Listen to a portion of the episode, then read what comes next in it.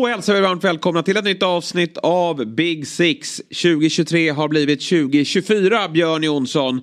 Och eh, jag vet inte om man fortfarande kan säga god fortsättning på det nya året. Det har ju passerat en vecka sedan nyårsafton, men jag gör det ändå. Ja, tack detsamma. Ja, det har varit 13 dag jul. Jag glömmer alltid bort att det är en röd dag. Det är den konstigaste röda Jag vet, jag skulle till systemet Ja, eh, och ja, okej, såg ja, att det var igenbommat och jag fattade ändå inte ens då. Nej, alltså, jag fick skriva till min fru, vad, vad är det som händer? Och då eh, var det såklart då Ja. att jul Ja, det var många som ut. åkte på den. Jag visste dock eh, om det faktiskt. Okej. Eh, Och reagerade just att det varför är det här en röd dag överhuvudtaget?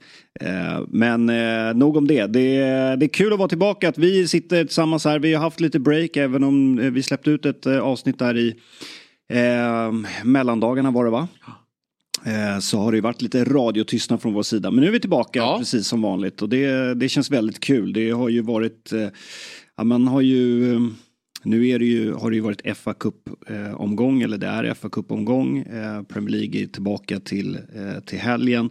Eh, men det har varit, det var, jag tycker att det har varit lite skönt med ett litet Premier League-uppehåll. Eh, och, men samtidigt så, så saknar man det lite när, jag vet inte vad du känner generellt, men jag vet ju verkligen om historien med FA-cupen och hur stor den är och det märker man framförallt på, på när man ser eh, matcherna som kablas ut här. Hur, hur alltså, de här mindre lagen, mycket supportrar det är på Ja, plats. helt och fantastiskt. Men jag personligen, jag skulle ljuga om jag satt och sa här att jag älskar FA-cupen, att jag brinner för den. Det är inte riktigt samma sak. Så när, när jag kollar på Arsenal-Liverpool igår, det är, visst det är ju kul. Men det är inte riktigt samma sak. Nej det är inte det. Sen var ju det ett väldigt laddat möte med tanke på att båda lagen är i toppen. De möttes ganska nyligen i en holmgång. En väldigt underhållande match. Man hade ju förväntningar och de tycker jag eh, svarade upp till de förväntningarna. Det var en jäkla underhållande match. Sen tycker jag att när Liverpool gör det här 1-0 målet så visar de ju på sina känslor.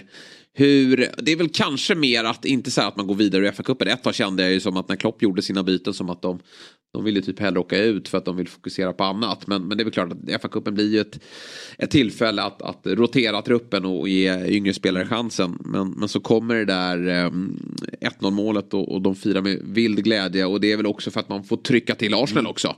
För det Det var är till och med ju... supportrar som eh, samlades. Som de, var det både eh, David Nunez och vem var det mer som, bara, som slog honom på huvudet och kastade iväg mössan och sådär. Så de var verkligen, verkligen taggade. Jag såg en rolig tweet om det med Darwin Nunez att eh, han har även siktet eh, felaktigt inställt när han ska slå någon på skallen. Han ville, han ville slå eh, Diaz eller Trent men träffade träffa mössa. Nej. Nej, så såg jag att vissa gjorde om den här eh, supporten då, satt en Arsenal-emblem på honom och sen mössan var PL-bucklan då som de bara kastade bort.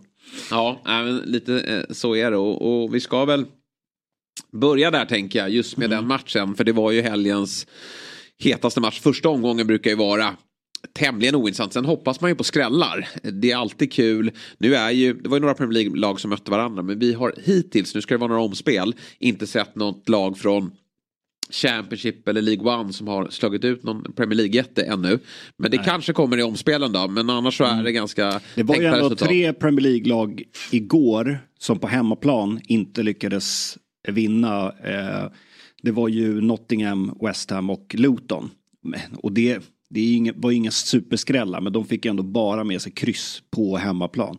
Sen var det väl den stora den stora skrällen eller den stora framgångssagan i FA-cupen var ju eh, Maidstone United som jag tror är från sjätte ligan. De mötte ju Stevenage så att det Ja. var ju inte i sig, eh, det kanske inte folk, det är kanske svårt att värdera det, men det är ändå ett lag från eh, sjätte ligan, sjätte divisionen som tar sig vidare till fjärde rundan. Så de kommer ju få, för dem, ett en, alltså det kommer ju vara kanske klubbens match. största match någonsin i fjärde rundan. Så det, det blir ju häftigt. Men annars, igår var det ju inte jättemycket eh, skrällar. För det är ju annars charmen med FA-cupen att vi, vi, vi kan få, eh, när det vankas semifinal, kvartsfinal kanske inte så mycket. Men till 16-delen i alla fall så kan det ju bli eh, en del jag- härliga skrällar. En stor anledning till tror jag varför det inte blev så mycket skallar det var ju att det var ganska så ordinarie elvor. För det är ju som så att Premier League sen kliver på ett litet märkligt uppehåll här nu. Alla lag ska väl få typ tio dagar off eller vad det är. Det är några lag som spelar till helgen men några som står över. Jag ser till exempel, jag såg på Dejan Kulusevski, han är något, eh, i något vinterlandskap, han har stuckit på semester. Några ska väl såklart sticka till, till Dubai också och få, få lite värme. Men det gör ju också att många lag, men till exempel West Ham igår, de har ju två veckor till eh, nästa fight. Och då eh, mönstrar man ett ganska eh, starkt lag. Ändå fick man då, eller ändå, det, det är väl det som eh, slår mot Mois då, att Paketa, som ju har haft skadeproblem. Han har ju haft problem med ett knä, men, men Mois känner att han är så viktig för det här laget. Det var väl mot typ Arsenal va? Som han klev av efter ja, bara någon kvart. De chansade där. Det. Men det höll inte. Igår tillbaka, inledde med att slå en helt briljant passning till, eh, till Bowen som sticker i djupled och slår in 1-0. Sen avskadad. Och sen får även Bowen en, en ful snyting i slutet av matchen.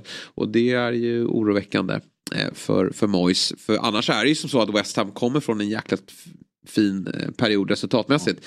Ja. Sen vi pratade senast då så har man ju tvålat dit Manchester United på hemmaplan med 2-0 och sen åkte man till Emirates och vann också mot Arsenal. Moyes har väl haft ett eh, hemskt facit mot just Arsenal och oddsen var väl nere mot 1-20 att Arsenal skulle vinna den här matchen.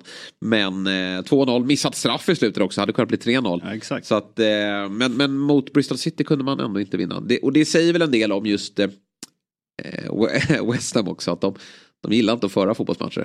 Nej, det, det, gör de inte och det är väl just när, när det blir de stora favoriter på hemmaplan så kan det bli, bli tufft för dem. Men det där är intressant vad som händer med West Ham. Vi, eh, de vann alltså Conference League, höll på att åka ur eh, Premier League, höll sig kvar, eh, satt kvar med David Moyes. Det var ju snack om att han skulle få sparken förra säsongen. Nu går det ju eh, bra, får man ju säga.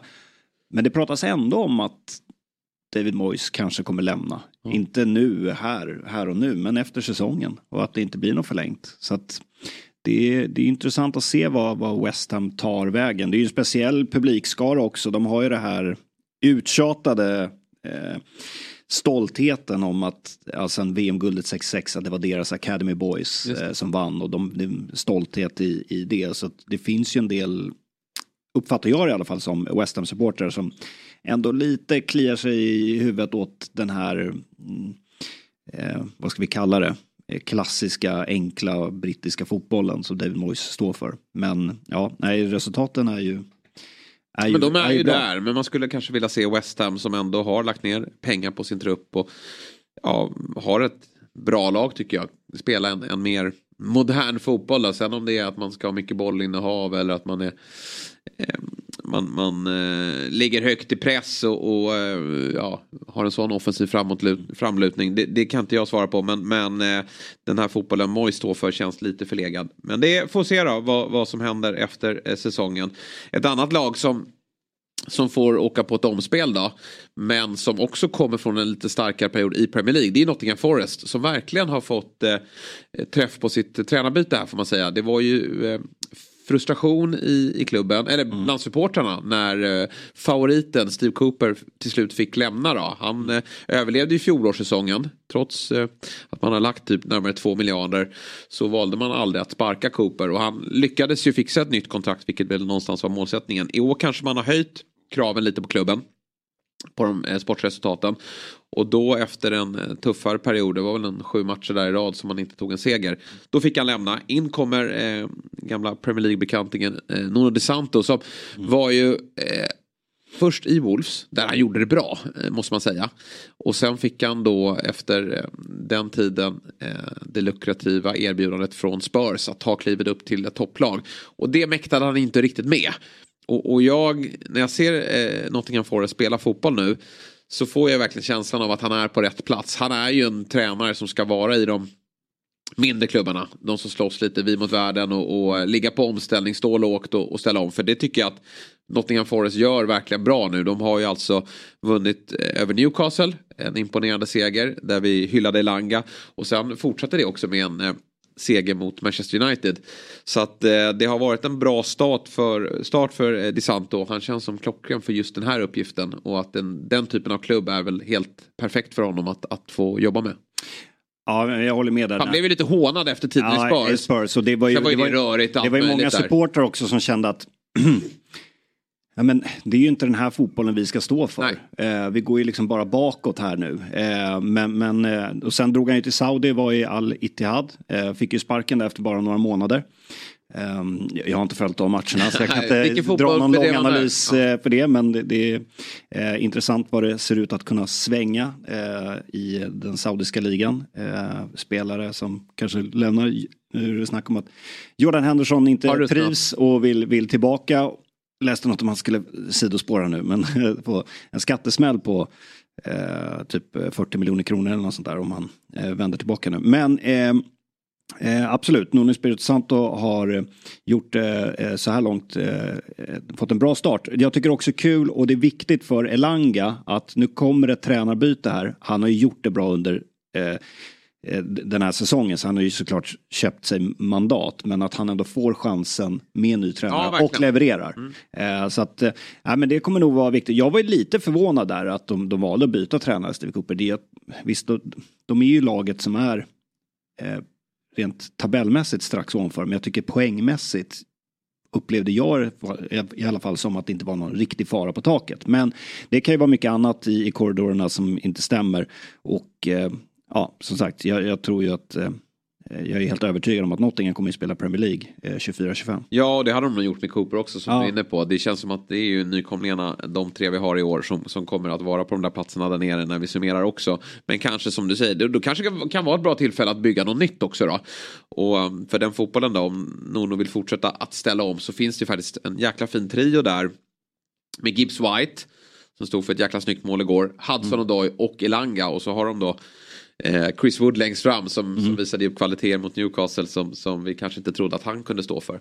Men, men eh, igår... Men lite stör, störande dock bara för Nuno Espirito Santo här då att, att eh, att eh, för dem hade det ju blivit ett, ett litet uppehåll här nu. Ja. Men, men nu blir det ett omspel ja. Eh, för att de bara får 2-2 mot Blackpool. De låg ju faktiskt under med 2-0 var det va? Alltså 0-2 och, och hämtade upp eh, till, eh, till 2-2. Hade ju nästan varit bättre. Ja precis, det var, ju, det var lite som Klopp sa, vi kommer till den här matchen snart, men han sa ju att det enda mardrömmen med den här matchen det var om det hade blivit oavgjort. Ja. Eh, och det var ju eh, länge som det såg ut att faktiskt kunna bli det. Men eh, att de får ett omspel här nu istället för två veckor eh, ledigt, eller ledigt, men chans att, eh, tror jag, speciellt som ny tränare, att få två veckor mitt i säsong och kunna liksom samla trupperna och, och gå igenom det man vill göra. Nu blir det ett omspel istället. Det, det kanske han inte var jättesugen på. Nej, det är nog ingen som vill ha de där omspelen. Men samtidigt så hoppas man ändå att de tänker att kuppdrömmen ändå finns där. Och att man mm. kan ta sig långt och hela vägen till Wembley. Det hade ju varit häftigt. Det är alltid häftigt när det blir den där typen av sagor. Men som du är inne på, Liverpool var nog väldigt glada att det där löste sig. Och framförallt att man, att man gick och, och vann. För det var känslan att det var två lag som inte ville ha omspel. Vi ska ju veta också att Liverpool spelar ju eh, ligacup här i veckan också. Eh, Carabo Cup här på onsdag är det väl man eh, eh kliver in och möter ja. Fulham va? Tror jag i ehm, eh, nästa runda. Du hör ju själv, jag är inte jättepåläst. Ja men precis, på... Det är, eh, på, på onsdag är det, är det Fulham ja. i, i ligacupen. Det kan ju bli, eh, ja dels det vore ju kul såklart återigen med en skräll där. Det är väl Chelsea Middlesbrough i den andra rundan.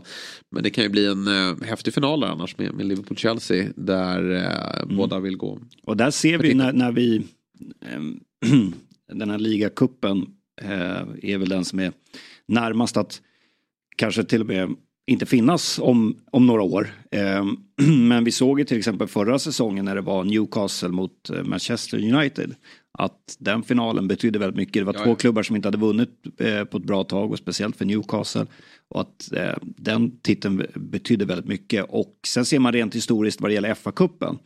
Om du kollar på vinnarna de senaste tror jag, tio säsongerna då är det egentligen bara ett lag som sticker ut och det är Leicester ja. eh, som vann 21 tror jag. Sen är det, Arsenal har vunnit väldigt mycket de senaste.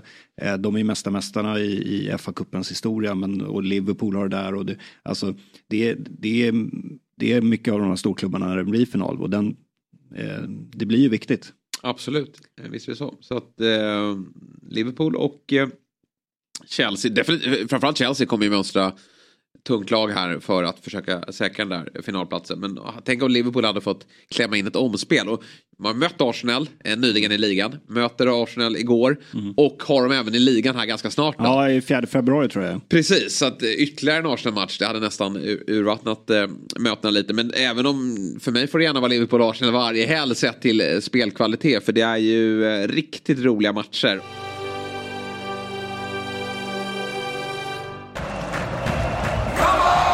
Den är här nu. Commons nya sportsbook med en av marknadens tyngsta betbuilders. Nya spelare får 500 kronor i bonus. Nu kör vi!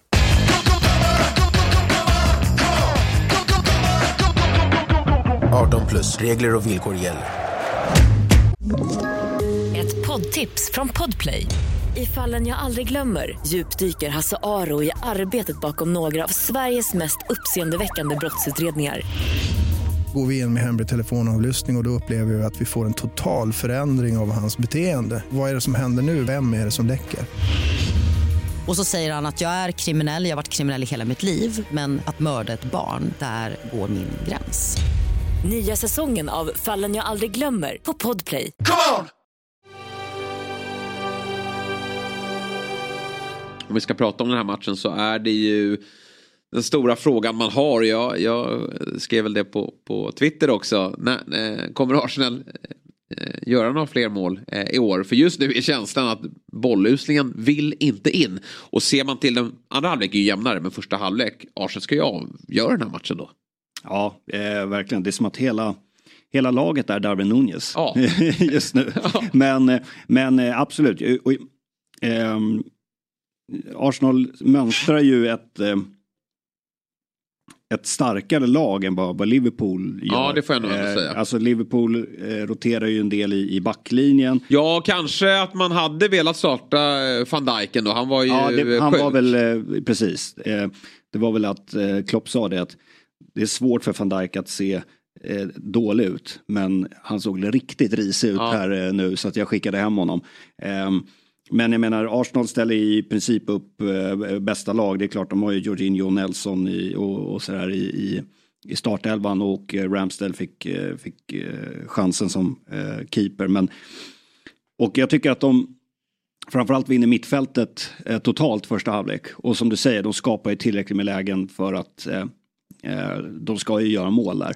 Och eh, det är klart när du får de där lägena mot Liverpool, även om Liverpool roterar lite, så sätter du inte de lägena. För det är ju klart att, för att sen i andra halvlek, då tycker jag att Liverpool kommer tillbaka. Ja. Eh, Klopp gör också två bra byten efter ungefär en timme. Eh, och eh, eh, ja, Arsenals första halvlek, där, eh, där skulle de ju ha satt in eh, nådastöten tycker jag. Eh, eller i alla fall tagit ledningen. Och jag, jag vet att där, efter matchen så var ju Arteta var ju ruskigt sur eh, och frustrerad.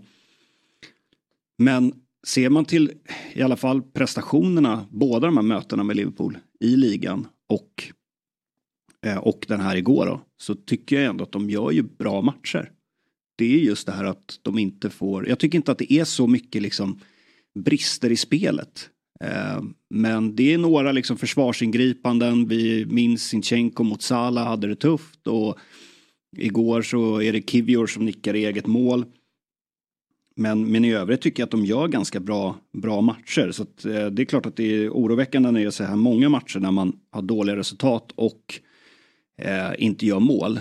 Eh, men därför tror jag också att det här, de får ett uppehåll nu på nästan två veckor här nu. Eh, innan de ska spela i ligan. Eh, det tror jag är väldigt, väldigt skönt. Ja, alltså så här, jag, jag håller verkligen med i att så här, Arsenal är ju faktiskt väldigt bra i den här första halvleken. De, de gör en bra fotbollsmatch och, och även om Liverpool roterar en del så är det ju ett starkt Liverpool tycker jag ändå. Eh, som också gör en, en, framförallt en väldigt bra andra halvlek. Men det har ju blivit, eh, det har ju satt sig här i, i, i eh, psyket på många och, och när alla har fått det här Nunez-psyket då, då blir det väldigt jobbigt för Arsenal. För att tittar man i Liverpool då så är det ju som så att när Nunez då eh, inte får in bollen så finns det ju mängder utav matchvinnare i övrigt. Alltså framförallt då, nu är inte han med igår men, men Salah brukar ju alltid lösa det. Du har eh, Jota som har kommit tillbaka nu, du har Diaz, du har Gakpo, du har Sobosolai, du har McAllister, Trent Alexander-Arnold. Men det, det vimlar ju av, av spelare som kan kliva fram och, och avgöra matcher. Just nu har ju inte Arsenal det och tittar man på fjolåret då var det ju framförallt då Ödegaard, Saka och Martinelli som stod för målskyttet. Och att alla de är uppe och nosar på 15 mål, det, det ska man nog inte kunna förvänta sig. Det, det var nog i överkant för alla tre faktiskt. Sen, sen kan ju eh, eh säkerligen någon av dem hitta tillbaka dit någon enstaka säsong. Men det är liksom inga supertydliga målskyttar, någon utav dem. Eh, men, men tillsammans så, så, så blir de farliga. Men, men samtidigt ska man inte heller förvänta sig det de sysslar med just nu. För nu, nu har ju alla det ganska kämpigt. Martinelli startar inte den här matchen. Han kommer dock in och är jäkligt bra. Shit vad han ger eh, Trent eh, Alexander-Arnold en, en åktur där. Ja, det gör han. Alltså, hade, först får ju Nelson trötta ut Trent lite grann. Och sen in med Martinelli, full fart. Men han kan ju inte få ordning på fötterna just nu när det kommer till avslutslägen. Och Saka går inte heller riktigt att känna igen. Han är såklart någonstans nyttig. Det är inte så att han är han är kass liksom och att någon annan ska spela. Samtidigt kanske hade det varit bra att vila honom lite grann för att han får, får lite fräscha ben och, och, lite, lite klar i skallen. För, för just nu så känns det som att han trampar väldigt mycket boll och ja, är osäker eh, sista tredjedelen när, när eh, det är han som ska kliva fram och, och avgöra fotbollsmatcher. För den, liksom, där är ju ändå Saka nu. Alltså det är en världsklasspelare. Och Arsenal måste kunna lita på att han kliver fram i den här typen av matcher vi har sett nu mot slutet. När Arsenal har sånt tryck då är det han som ska vara tungan på vågen. Men just nu går han och gömmer sig. Han gjorde ju visserligen mål då i den här matchen mot, mot eh, Fulham. Men jag, jag, jag, förväntar mig mer av Saka och är lite besviken på hans ja, säsong. Mm, jag håller med. Och det, även, i, även igår. Eh, och det var väl lite så att förra säsongen, det var inte så att Martinelli och Saka var okända namn förra säsongen. Men då var det ju också en sån, alltså Arsenal bara sköljde över ligan med sin offensiv. Så jag tror eh, många lag blev faktiskt ganska överraskade och hade svårt att hantera dem. Den här säsongen så vet ju alla lag. Låser vi eh, Martinelli och Saka, ja. då har vi låst ganska mycket. Sen är ju mittfältet är ju väldigt starkt ja. i, i, Arsenal. Men där framme, den här fronttrion, som har varit lite olika konstellationer. Eh, där har ju framförallt, alltså det har ju till och med Arteta varit inne på nu som många jag vet skrattar åt men Arteta säger att eh, liksom, domarna måste skydda Saka för han får så otroligt mycket smällar. Men alltså, motståndarna har ju lärt sig att det är de där två eh, där framme i Martinelli och Saka, det är de vi måste stoppa. Så att det, eh, det har ju också gjort att, att det har blivit eh, tuffare för de spelarna. Och sen har vi det här problemet anfalls, anfallsfrågan som är den, den stora, det stora ämnet i Arsenal just nu. Har Gabriel Jesus där, eh, som bara har gjort eh, tror jag, eh, tre mål i ligan den här säsongen och som har sina skadeproblem. Eh, det, det är ju nästan så att liksom, ja, och det är ofta frågan knät, är om det, om det funkar längre. Nej, och det är ofta knät och, och vi ska ju veta det att City till slut kände ju att Jesus var ju ingen start, eller det har väl aldrig varit, men han var inte tillräckligt bra för att vara en, en, en, en nia i Manchester City. Och, och, vi måste ju faktiskt konstatera att Arsenal har tagit flera steg under Arteta och nu är man ju ett världsklasslag som absolut inte kommer vinna allt, men går för att vinna allt. Det är ju det är där de är. Och då måste ju de ställa sig frågan, är Jesus gubben vi ska lita på eh, som nia? Är det han som tar oss till till titlarna och jag känner väl inte riktigt att det är så. Sen är ju Jesus en fantastiskt bra fotbollsspelare. Han är ju en liksom, väldigt nyttig ute i spelet, dels i pressspelet men också hur han mm. bygger upp anfall i, i, i, i länkspelet. Att man, man har en, en, mm. ett alternativ att ta sig fram via Jesus hela tiden. Men, men eh, vi vet ju också att Pep använder honom ute på en kant. Det kan jag tänka mig att han skulle funka rätt bra som. Men nu har han ju problem med det där knät igen. Och då måste ju Arsenal ta sig en fundering hur, hur vi eh, hur vi bygger upp vårt nya anfall och när Enketia inte får starta igår tycker jag det är lite märkligt. Jag undrar om det är en signal för det har ju varit rykten om att han är på väg bort. Ja, ja men det kanske ja, är så. Om det är så att han, han Och där kan man ju frigöra pengar. Precis och det, det tror jag nog faktiskt att Arsenal vill göra för att eh, eh, vi såg i somras att Arsenal vad det verkar inte hade riktigt råd, eh, om det är så under Financial Fair Play eller bara kassan, att inte hade råd att köpa Raja som man lånade honom. Ska man lägga då 100 miljoner pund på en anfallare kan man göra det. Men om du säljer Enketia för 300 miljoner. Ja. Till någon kan du få mer där, alltså ja. det är en engelsman och, ja. och klubbarna har mycket pengar. Och eh, kanske släpper en sån som Smith Rowe som Arteta inte riktigt verkar Nej. tro på.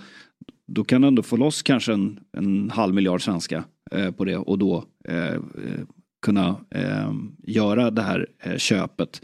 Eh, vi får se, men apropå liksom Gabriel Jesus, som, jag, jag vet att jag var, eh, för någon vecka sedan var jag inne och bara jämförde.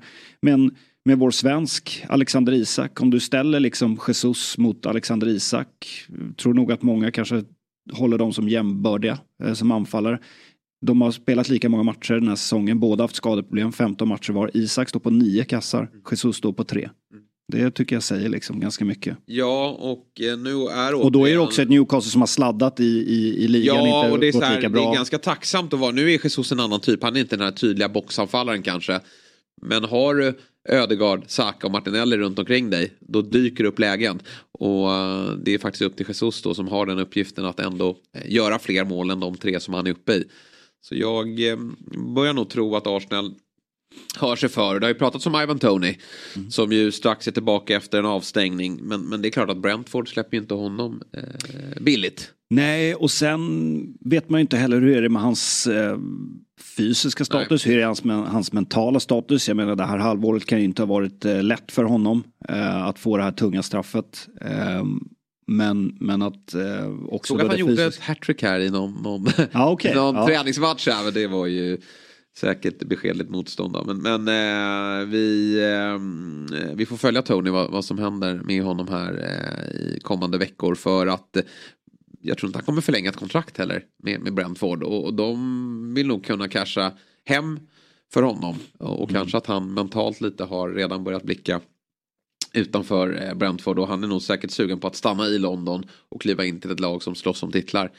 Men sen är frågan så här, är han så mycket bättre än, än eh, Gabi Jesus också? Jag, jag är ju inne på att, liksom att man vill ha något som är tydligt givet längst fram och, och, mm. och som petar in de där bollarna som, som eh, Jesus kanske missar för att han rör sig så eh, eh brett över hela plan. Och då är frågan vad är det för typ av anfallare? Alltså det, det, det tydligaste namnet är väl eh, Osimhen. Mm. Men då ska det upp väldigt mycket pengar. Ja, och han förlängde ju nyligen med, ja. med Napoli också. Så att, och det är ju flera klubbar som eh, vill ha honom. Så det, det är ju väldigt, väldigt dyrt för Arsenal att handla just nu. Ja, verkligen. Så kommer det ju vara. Ja, eh, men uttåg i FA-cupen är väl ingen katastrof ändå. Eh, det är ju som så att man givetvis i allra högsta grad är med i eh, ligan och eh, framförallt då Champions League. Mm. Eh, där det väntas eh, åttondelsfinal. Då. Liverpool står för en, en, en stark eh, trepoängare utan då van Dijk och Salah. Och jag tyckte att det såg lite skakigt ut inledningsvis utan van Dijk. Det var väldigt öppet och, och det var som sagt eh, Arsenals oförmåga att göra mål som, som höll kvar Liverpool i matchen. Men, men klart bättre i andra halvlek. Jag tycker att Jota gör ett bra inhopp. Honom tror jag vi kommer få se mycket av nu när eh, Salah missar några matcher. Och jag tyckte även att Luis Diaz gör en, en, en bra match. Otroligt snyggt mål. Viktigt för honom att få igång lite, lite poängproduktion också. För det är ju lite vad Liverpool mm. behöver visa nu. När, när Salah är där, ja, men då, då vet vi att de vinner fotbollsmatcher för han, han kliver alltid fram. Men nu när han missar en, kanske fyra matcher, beror på lite hur det går för Egypten. Då måste andra spelare vara där. Och uh, Nunez gör en bra match igen. Men, mm. men träffar väldigt mycket eh, motståndarben eh, istället för mål. Och då är det viktigt att andra spelare eh, får in bollen i nätmasken istället. Ja. Men där har du lite skillnaden med Dias eh, 2-0 mål. Det är klart att det är ett annat läge i matchen och det öppnar upp sig lite mer ytor. Men det sättet han smäller upp den här bollen. Ja.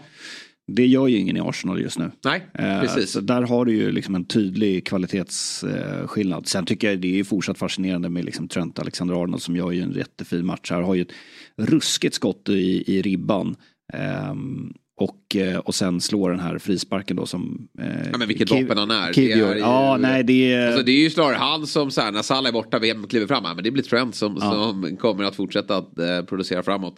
Han eh, är verkligen tillbaka och, och, det är glädjande att se. Och sen när van Dijk då lyckligtvis bara är sjuk då. Han, han eh, kommer att eh, täta till det där försvaret också. Så att Liverpool ska nog kunna vara med Eh, även när Salah kommer tillbaka, eller det, det är klart de kommer vara, men det, det ska nog inte synas allt för mycket. Eh, hans eh, frånvaro. För båda lagen känner ju nog flåset ändå från Manchester City som, eh, man ska inte dra för stora slutsatser av en 5-0 mot Huddersfield som sladdar i Championship. Men det är ju med en del besked här som jag tror eh, att Pep verkligen tar med sig. Det första jag vill nämna det är Phil Foden som jag tycker har växlat upp nu och blivit en, en han har ju någonstans alltid varit där och, och man har sett honom som någon form av viktig spelare men kanske inte nyckelspelare. Men, men i Hålands frånvaro här de senaste veckorna och, och De Bruyne som har varit out en, en längre tid så tror jag att Pep har liksom, verkligen velat se Phil Foden kliva fram och bli den viktigaste ja, spelaren. Ja, gett honom mycket chanser ja, ja. den här säsongen. Nej, men nu är det inget snack om någon rotation utan Phil Foden spelar varje match. Och går vi tillbaka två, tre månader då kanske han i en tidigare säsong hade blivit åsidosatt för att vänta nu Phil, du, du tar inte riktigt eh, möjligheten jag ger dig här. Du är lite ojämn i dina prestationer. Men nu de senaste veckorna så har ju Phil Foden varit eh, eh vital för City. Och eh, ja, den här matchen är inget undantag. Han, han, spelar väldigt fin fotboll nu. Och adderar vi då att Kevin De Bruyne kommer in här i den andra halvleken och ser fin ut. Mm. Håland förmodligen tillbaka till helgen mot Newcastle. Eh, kanske inte från start men till ett inhopp. Ja, då, då blir eh, City ganska otäcka att ha att göra med. Och, och min känsla är att Pep har lärt sig lite hur han ska bygga det här laget. Att vi, vi kanske inte behöver vara som bäst under hösten. Utan det är när vi, vi kliver in i slutspel i Champions League och när ligan, ligan ska avgöras som vi, vi behöver vara som bäst. Och jag, eh, jag har en känsla av att eh, City kommer vara väldigt, väldigt bra den här våren. Det är väl mycket som talar för det och Pep har ju varit inne på det själv att eh, ja, men, eh, Alltså räkna bort, det är ju ingen som riktigt har gjort det, men han var väl lite inne på att det låter lite som att folk räknar bort City. Men gör gärna det, nu kan ni få se sen vad, vad som kommer hända. Och som du är inne på, alltså nu har man ju Håland som ju verkar vara nära på att vara tillbaka. Eh, och eh, sen har du John Stones på en skada som kanske är tillbaka vid slutet av, av januari. Fortsätter det så och de inte får några nya, då har de ju alltså en skadefri trupp i princip. Ja. Nu hade de ju lite sjukdomar i, i, laget här men annars så ser det ut som att vi har... Doky tillbaka igår Doky också. tillbaka också.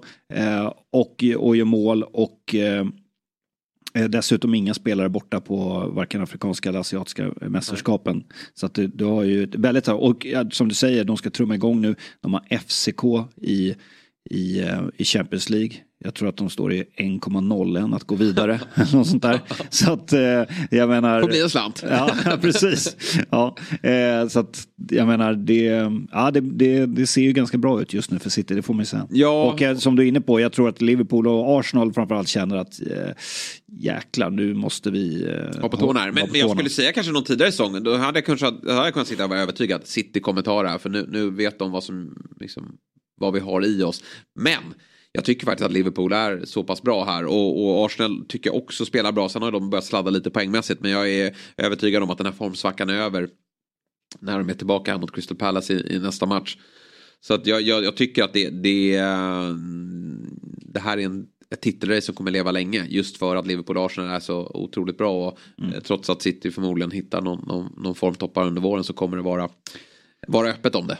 Absolut, jag menar det är ju eh, vad blir det, det är 20 omgångar spelade, det är 18 kvar, det är 54 poäng kvar att spela om. Så ja. att, eh, det, det, det, finns, det är liksom, det är bara halva säsongen spelad än så länge. Men det är klart att du kanske inte är svinnöjd med att du Nej. gick ut och sa Riktig, jag, jag, tror ju inte på, jag, jag, jag, tror ju inte på jinxar. Men om jinxar finns så var ju det där. En poäng senaste tre efter att du klev ut och sa att ja, Arsenal tar det här. Ja, och bara en vinst på sju senaste. Det roliga är att jag, jag var ju sugen på att kliva ut och säga något liknande men kände att där, jag har lärt mig ja. från att ha suttit i den här studion mm. tidigare. Då. Så att, uh, mitt förhandstips med City som vinnare, det, det är ett fegt förhandstips ska sägas. Men det lever i alla fall. Ja det gör det. Och jag har ju sagt det, jag, är inte, jag kommer inte vara en sån som står fast vid det. Eh, och bara liksom som en, som en åsna och säga att jo men det kommer vara Arsenal hela vägen. Men, men eh, i och med att det är halva säsongen kvar så står jag fortfarande kvar vid det och eh, jag har inte gett upp hoppet än. Nej. Men de är ju, det är ju en, en formsvacka även om jag då vill hävda att spelet i sig ser ändå fortsatt ganska bra ut. Men du har det här eh, tydliga problemet att eh, just nu så vill inte bollarna, bollarna in. Detta avsnitt görs i samarbete med ComeOn och Sabri du har ju snickrat ihop ett riktigt trevligt spel inför kvällens FA-cup. Mm, Wigan mot Manchester United, skrällarnas eh, cup, eh, FA-cupen. Jag har kikat på att båda lagen gör mål i den här matchen och att Wigan ska få minst tre hörnor till oddset 360. Tycker jag är lite bjudodds där borta från eh, Coman. Eh, man kan ju lägga till fler grejer om man vill, men jag tror att eh, Wigan skrällar lite här. Mm, du har fått bettbilder, eh, verktyget att jobba här helt enkelt. Tack, come on! Ett poddtips från Podplay. I podden Något Kaiko garanterar östgötarna Brutti och jag, Davva, dig en stor dos skratt. Där följer jag pladask för köttätandet igen. Man är lite som en jävla vampyr. Man har fått lite blodsmak och då måste man ha mer. Udda spaningar, fängslande anekdoter och en och annan arg rant. Jag måste ha mitt kaffe på morgonen för annars är jag ingen trevlig människa. Då är du ingen trevlig människa, punkt. Något kajko, hör du på podplay. Därför är gardinerna. För att ni gör detta avsnitt möjligt.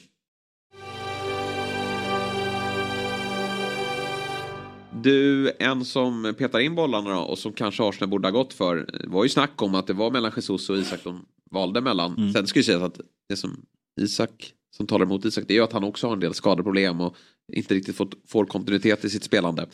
Men det var ett, eh, ett hett derby. Eh, Sunderland, Newcastle. Verkligen. Äntligen fick de två eh, mötas igen. Och eh, Isak som gjorde två mål, ett från 11 meter. Eh, han sa efteråt att den här typen av matcher då, då handlar det om de som vill mest. Och det är möjligt att Newcastle ville mest men det är ju det är klasskillnad också. Det är ju ett klart mycket bättre lag. Men, men tror jag jätte, betyder jättemycket för Newcastle i läget de befinner sig. Haft väldigt jobbigt med skador och, och uttåg ur Europa och sen svagt ligaspel. Men att man då får slå eh, stadsrivalen och eh, kanske eh, hitta upp på hästen igen. Det, det tror jag var viktigt för dem. Ja, vi pratade ju om det lite att det väntar ett ganska tufft schema för Newcastle här. Men får man den här derbyvinsten, men alltså säg att det skulle bli en förlust här i derbyt, då tror jag många supportrar hade börjat skrika på att eh, ja. Eddie House avgång. För att det, det hade varit för förnedrande. Men, men att åka liksom på bortaplan, vinna med 3-0, även som du säger, de är ett mycket starkare lag än Sunderland och de ska ju vinna den här matchen.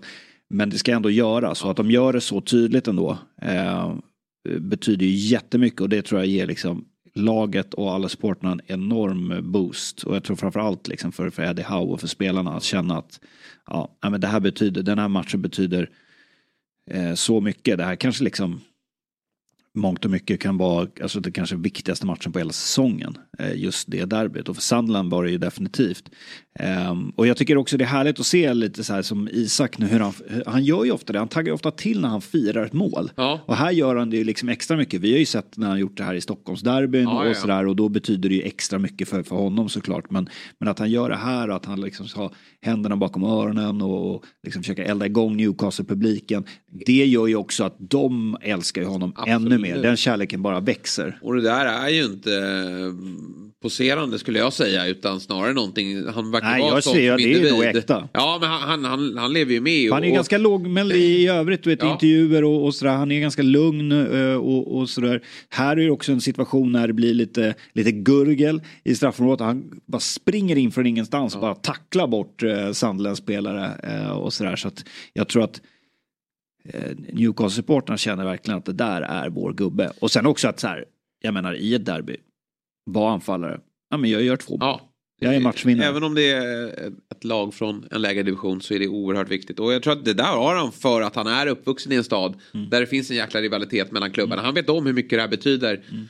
för supportrarna när de eh, idag efter julledigheten ja, men det, går ju, det går ju verkligen att jämföra det här. Nu är det ju två lag som är liksom i olika divisioner. Ja. Men att jämföra den med storleksmässigt med liksom typ Djurgården AIK. Absolut. Alltså det, så stor är ju den där rivaliteten. Det är ju bland de största i, i, i, landet. Jag tycker att han är ju bra på att kliva fram. Alltså vi ser ju bara Liverpool-matchen också där han får göra mål. Sen är ju Newcastle totalt utspelade i den matchen. Och, och ja, siffrorna var ju nästan i underkant. Men där kliver han också fram. Och, och, så att Isak har den där förmågan att i de hetaste matcherna vara framträdande. Det är bara att han behöver göra det vecka efter vecka och att han inte åker på någon, någon muskelskada. Då uh, blir det ju svårt för Newcastle att hålla kvar honom faktiskt. Om det skulle vara som så att de, de missar Europaspel nästa år. Ja, för nu har de ju ändå halkat efter, även om det är mycket kvar att spela om. Nu har de ju ändå halkat efter uh, i, i ligan rejält. Och nu har ju liksom förväntningarna har ju höjts på, på Newcastle. Och de vill ju såklart, jag tror att deras mål den här säsongen var ju definitivt att ta en Champions League-plats och det blir nog väldigt, väldigt svårt. Så att eh, precis, eh, hamnar de utanför Europa efter den här säsongen så finns det nog eh, eh, många andra lag som eh, blir intresserade av Isak. Om man, om man får hålla sig skadefri här. Absolut. För Chelseas del då eh, så var man, eh, gick man enkelt vidare. Det är väl bra att förbättra den där eh, vinstkolumnen. Och eh, även om det var Preston eh, North End då, som gästade dem på Stamford Bridge. Men, men klara 4-0. Viktigt att få igång en sån som Broja får göra mål och, och Raheem Sterling med ja. en ny snygg frispark. Ja. Eh, Middlesbrough här på tisdag och sen så väntar ju eh, eh Fulham eh, till helgen. Dock, vad som är tråkigt, det är ju att eh, NKK har åkt på en ny skada vad det verkar och väntas bli borta några veckor. Och det är inte så konstigt när man har varit borta en tid med en knäskada.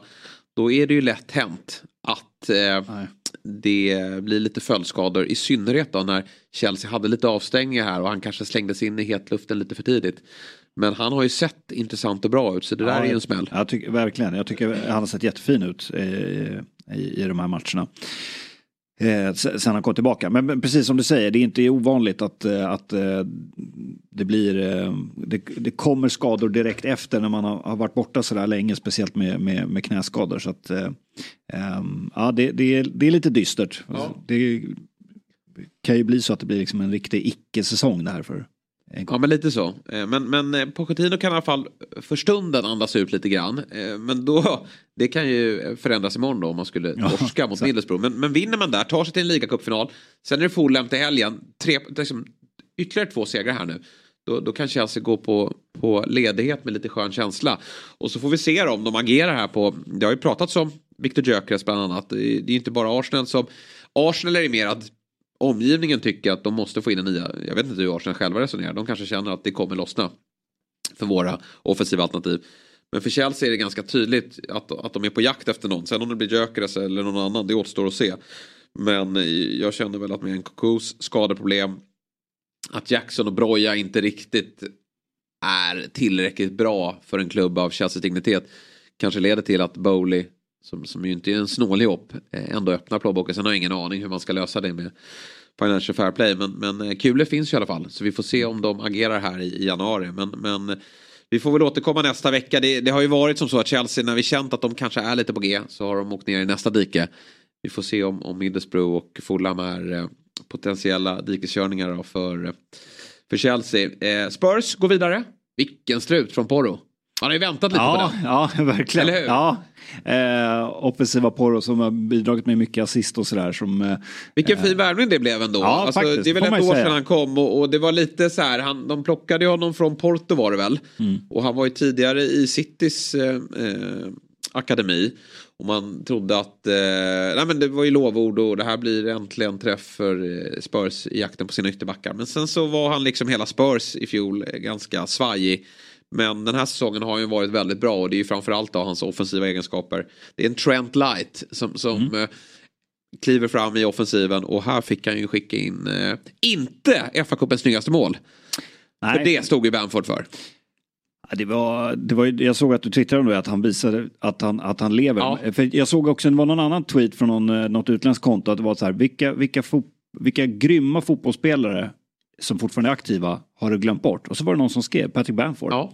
Eh, och kanske inte så konstigt också med att Leeds eh, åkte ur. Och, Och han har det rätt med. tufft där. I, Ja, han alltså, tuff. vi vet Men- ju hans sista säsong var i Premier League. eh, Kantad Nej. av skador Ja, och man kände att eh, det är på väg neråt. Och jag tycker att jag ska inte säga att det var ett klassiskt Bamford-mål, för det där var inget klassiskt mål på något sätt. Det där Nej, görs ju... Det är fan basten Ja, det är eh, fan nivå. Men han ser ju så här kant ut och han vet inte riktigt vad han gör. Alltså han tar ner Nej. den på bröstet och bara Ja, oj, nu hamnar den här rätt så jag får väl vända till och, och, och skicka på den och så landar den förmodligen utanför arenan. Men så skickar han in den i bortre och ah, nu är vi åtta dagar in. Så det är ju årets mål. Ja. Men, det kommer nog stå sig ganska starkt länge under säsongen. Ja, det det. Vilket, vilket håller det högst då? Garnachos eh, bicicleta eller, eller den här? Nu är ju inte den här matchen liksom heller så kanske... Jag är typ mer svag för Bamford-mål. Ja, jag alltså, med. Jag Jag, med. gillar alltså, sen är det så här, om du ska jämföra cykelsparkar så tycker jag att Garnacho står väldigt högt upp. Men eh, jag tycker den där typen av eh, klassaktion, Ja. för det är så många moment i det där. Mm. Den är klart, det är inte alla som kan eh, hänga så där i luften som Garnacho gjorde. Men eh, nej, det, jag, jag är nästan svagare för Ja, Bamford. jag, är nog, jag är nog med dig alltså. Ja. Ja. det, var, det var riktigt snyggt. Det var riktigt snyggt. Men Poros var snyggt också. Spurs vidare 1-0. Men det som framförallt pratas om i, i, i Spurs-led nu det är ju att man verkar få in ett offensivt alternativ. Och det är inte vem som helst utan det är ju Leipzigs tyske landslagsanfallare Timo Werner som eh, sägs vara klar för ett lån och tillbaka i Premier League. I, kul lösning. Ja, lite oväntat eh, med tanke på just att eh, Rikardisson nu funkar ganska bra där framme. Ja. Eh, men, eh, men, eh, men att eh, eh Postecoglou känner att eh, de behöver eh, bredda den där truppen. Eh, och eh, Timo Werner som ju inte lyckades alls i, i, i Chelsea eh, har ju nästan alltid funkat väldigt bra i, i Leipzig eh, och i, i Bundesliga. Men där är som vi vet, där är ju liksom eh, försvarsspelet eh, är lite mer bjussigt i, eh, i Bundesliga. Men eh, eh, nu har han ju ändå, han har nog säkert en rejäl revanschlust också. Ja, det tror jag. Eh, och, och ganska modigt ändå att eh, gå till en lokalrival också. Ja. Efter att ha varit i, i Chelsea. Och, men jag tror att, jag menar, vi pratade om det här tidigare att det finns många tränare, förutom Alltså såklart lönerna och storleken på klubben lockar ju. Men att det finns tränare som lockar över spelare. Alltså som, som Pep har gjort och som eh, Klopp gjort såklart och även Arteta. Eh, Postecoglou är nog en sån manager också som Absolut. många spelare, framförallt offensiva spelare, vill spela under. Ja, alltså kollar du på Werners, eh, alltså om man tittar på hans senaste säsonger så har det ju gått ganska dåligt för honom. Dels då i Chelsea och sen den här säsongen i Leipzig. Det finns ju en anledning till varför Leipzig släpper honom. För att det, han han eh, har inte varit glödhet men tittar man på säsongerna dessförinnan varför Chelsea tog dit honom. Det var ju för att han gjorde väldigt många mål. Så att, att han bara skulle vara den här målsumparen som man gör sig lustig över. Det, det behöver faktiskt inte vara så. Och när som du säger, Postecoglou lyfter luren och, och berättar att jag vill ha dig och vi kan faktiskt använda dig i flera roller. Det är inte bara längst fram utan även till vänster som han är användbar. Och är jätteviktigt för Spurs nu, dels med skadorna de har. Men också att Son sticker iväg och att han är redo att kliva in i, i, i nästa fight. Det är ju oerhört viktigt och det finns ju en fin omgivning för honom också. Madison eh, snart tillbaka, Kulusevski med, med, med vass vänsterfot. Eh, så att det- det finns alla möjligheter här för Timo Werner att komma igång igen. Spurs kommer till väldigt många lägen. Och han har ju ett EM som väntar i sommar. Det är därför han gör den här flytten. För att han vill ta chansen och, och, och spela sig in i Nagelsmans eh, EM-trupp. Så jag tycker att det här är en, eh, en, en eh, perfekt lösning. Det finns väl någon klausul också att man köper loss honom i sommar för ja, 200 miljoner. Vilket ju i dagens läge inte är någonting. Men det handlar ju då för hans del, för lägen kommer han komma till. Det gör man i Spurs. Ja, han måste ju verkligen. peta in bollen. Mm. Nej, så är det. Men nej, precis. He- Hela, hela Leipzig har gått ganska tungt och nu verkar de, de verkar väl göra någon typ av Eh, att de möblerar om lite Ja. i, i truppen och Emil Forsberg har lämnat också och sådär. Så att eh, eh, nu ska väl in med fler ungtuppar gissar jag. Det är väl deras eh, strategi. Och eh, ja, men som sagt, det, det ska bli spännande att se. Jag, jag kan förstå också ändå om det är de Spurs-sportare som känner att ja, men han, han är ju inte någon riktig killer. Men, eh, men i det här laget så har vi sett att det är ganska många som blommar ut. Ja, Eh, och eh, samtidigt, nu finns ju Rikardisson där, Son eh, kommer Johnson. finnas där, Brennan Johnson finns där. Och eh, Madison kommer tillbaka och eh, Kulusevski, vår Guldbollen-vinnare, finns där. Så att jag tror ändå att det, det är liksom ingen panikvärvning. Nej, men sen är det det så här, han får ju en bra start här nu för att jag tror han kommer slängas in i hetluften tämligen omedelbart då med tanke på skadorna och Son borta. Men sen kommer de här gubbarna tillbaka och då är det viktigt för Werner att han har visat eh, Ja. sin kvalitet här nu. De har ju United här i, i eh, nästa ligamatch vilket ska bli eh, jäkla eh, kul match att se. Och då är det inte alls otänkbart, kanske inte från start då, men, men eh, absolut med inhoppet och, och då är det upp till honom att bevisa att han ska ha en startplats i, i detta underhållande eh, Spurs. Nej men så är det. Eh, och vi, vi har ju varit inne lite på att eh, alltså, det är frågetecken kring, kring bredden. Och jag tror att ja, men Timo Werner kommer kanske inte vara given startspelare. Eh, speciellt inte nu som Rikardisson eh, presterar. Nej, precis. Så, men, men, men att eh, det kommer ju stärka laget Ja. eh, till den här våren. Helt klart. Absolut. Och man går ju definitivt för att eh, försöka få spela i, i Champions League nästa år. Sen om det blir en fjärde eller femte plats och om en femte plats räcker. Det, det får vi se eh, längre fram under säsongen.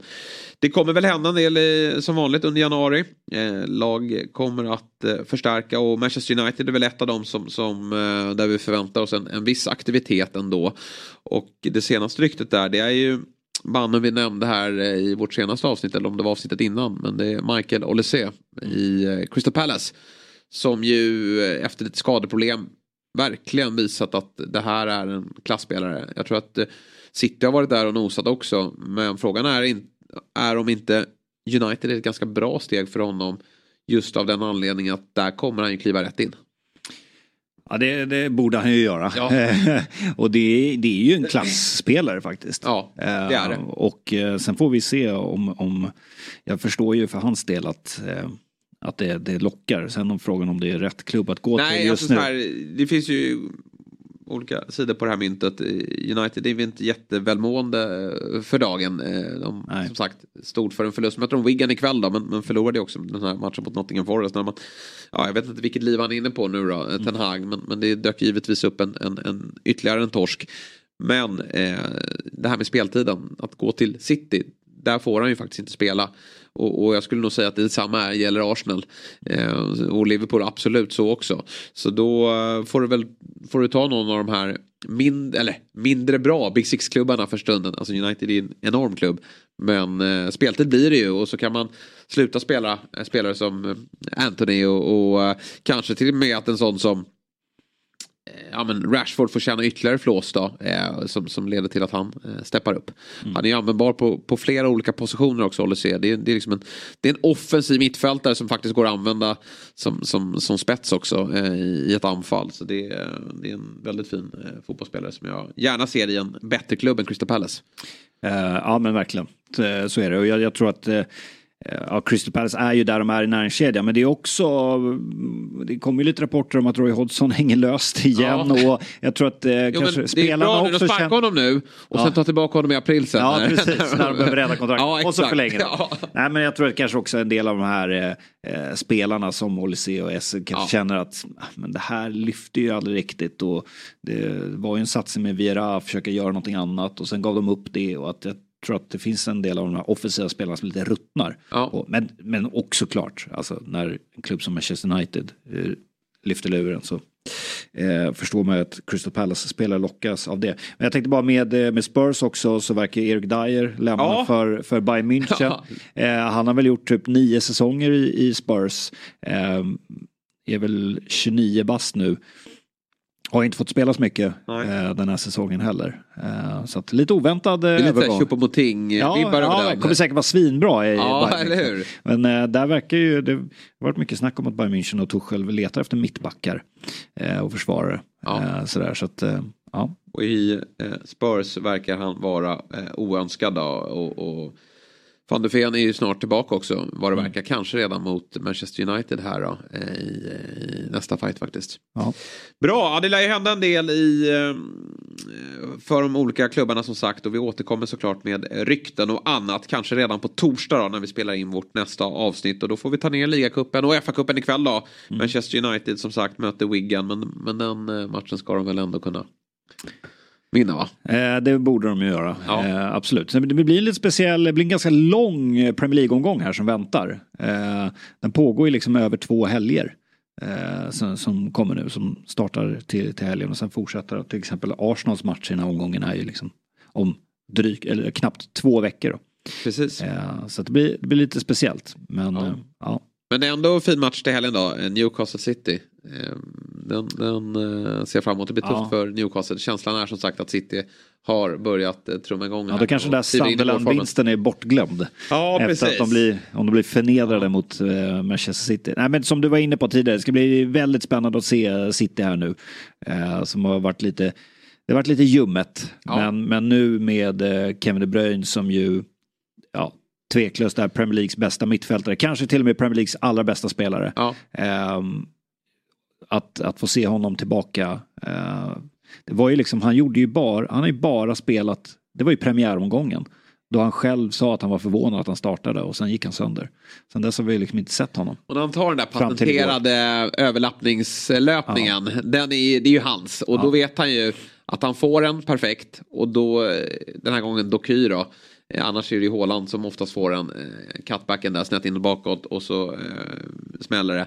Den, eh, den har man saknat faktiskt. Det är ju en eh, Ja, och det, det där boostar ju såklart hela laget. Att få, få tillbaka, jag tror att det liksom bara ökar självförtroendet i, i det där laget. Och jag tror att det är, aldrig, det är aldrig bra att vara skadad, det är aldrig kul att vara skadad, speciellt om man börjar bli till åren som fotbollsspelare. Men jag tror att det kan också ha varit någonting positivt. För att vi pratade lite här om att när City vinner trippen, ja, hur är det då med Kommer det smyga in sig en mättnadskänsla? Jag tror nog att med Kevin De Bruyne som varit borta nästan ett halvår här känner att han har nog, alltså han är nog rejält taggad. Verkligen. På att nu, nu ställs saker på sin spets här. Nu kommer det här liksom nu kommer våren då allting ska avgöras. Det är EM sen också ja, som han nog vill här, växla upp till. Om ni har glömt bort mig så ska jag visa upp vem, vem jag är. Så ja. jag tror det kan nog vara något positivt faktiskt. Och du säger att City har varit eh, lite svaga, ljumma. Eh, men jag tror Liverpool gärna hade sett att de var längre bakom mm. än vad de faktiskt är. Det är fem poäng men då har City en match mindre spelad. Då. Det är Brentford då som den matchen blir uppskjuten när det var VM för klubblag. Så uh, ja, men, men uh, ja, jag är väldigt imponerad av Liverpool också. Hur de, hur de sköter allt och hur de har liksom byggt om det här laget från uh, fjolårets haveri. Det, det är starka papper. Och så ett Arsenal då som är, är bra men kan inte få in bollen bara. Mm. Men det är väl lite vad fotboll går ut på. Så det, det, det är bra att få ordning på det. Ja, det ska bli väldigt intressant att se vad, vad de gör. Jag hörde också att Teta pratade om det att eh, ja, men det, det, är lätt att åka med här nu när det, när det går bra. Ja. Men nu vill jag se spelarna reagera. Nu har vi det lite tufft. Ja. Var står ni nu? Alltså kommer ni brösta upp er och kriga tillbaka eller kommer ni, kommer ni vika ner er? Mm. att han skickar en tydlig signal till spelarna och jag tror att han kommer gnugga dem väldigt, väldigt hårt här. Att nu, nu, är det, nu ska jag vara rak och tydlig här. Nu, det här, det här, liksom, det här räcker inte. Nu ska den där bollen även in. Då, om vi så ska skjuta 60 skott så ska den där bollen ja. in. Känslan är att Crystal Palace kommer få smaka i, i nästa omgång. För det kommer vara ett förbannat eh, Arsenal som klämmer ut på Emirates. Ja, eh, jag har inte haft så här jättebra med mina spaningar så här långt, får jag erkänna och säga. Men det har ju varit rykten om att Roy Hodgson som sagt ska få dojan. Ja. Kanske då att det där kan vara hans ja. Eh, sista, matchen. sista match. Efter 6-1 på Emirates så mm. får han kliva åt sidan. Bra Björn! Eh, tack, kul att vara igång igen och, och se dig i studion. Ja, eh, det var ju på distans senast. Så att, eh, Big Six rullar på nu. Nytt avsnitt kommer på torsdag och sen är vi tillbaka, jag och Björn, på måndag. Trevlig vecka på er!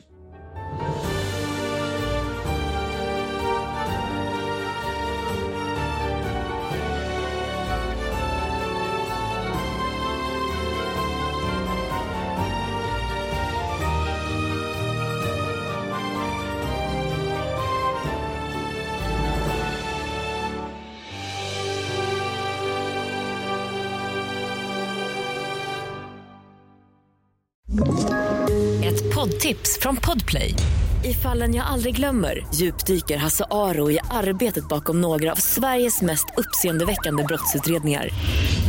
Går vi in med hemlig telefonavlyssning och, och då upplever vi att vi får en total förändring av hans beteende. Vad är det som händer nu? Vem är det som läcker? Och så säger han att jag är kriminell, jag har varit kriminell i hela mitt liv men att mörda ett barn, där går min gräns. Nya säsongen av Fallen jag aldrig glömmer på Podplay.